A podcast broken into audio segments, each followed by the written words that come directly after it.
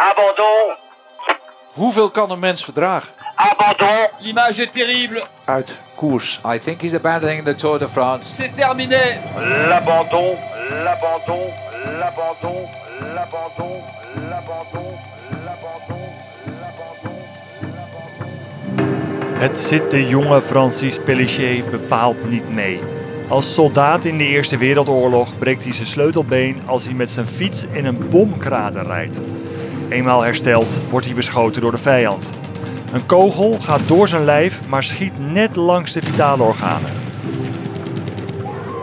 Na de oorlog rijdt Pellicher zes keer de Tour de France. Vijf keer geeft hij op. Er is altijd wel wat. In 1920 heeft hij een longontsteking. In 1927 is hij ook ziek. Hij is de eerste gele truidrager in de geschiedenis van de Tour die afstapt. In 1923 rijdt hij hem wel uit, maar dat jaar wordt hij aangereden door een auto, terwijl hij in de koers op zijn broer Henri staat te wachten. Een jaar later starten de broers Pellicher opnieuw in de Tour. L'abandon. L'abandon. Journalist Albert Londres schrijft voor Le Petit Parisien. Hij ontmoet Francis en zijn broer Henri in het bomvolle Café de la Gare in Coutances.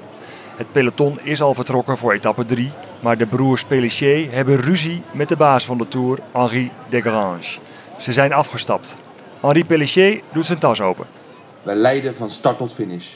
Wil jij zien hoe we koersen? Dit is cocaïne voor de ogen. En dit is chloroform voor op het tandvlees. Wat denk je van de pillen?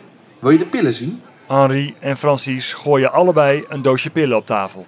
In het kort, Zegt Francis, we rijden op dynamiet. Dwangarbeiders van de weg, zette Londres boven het artikel. Een wielerrel zonder weerga was geboren.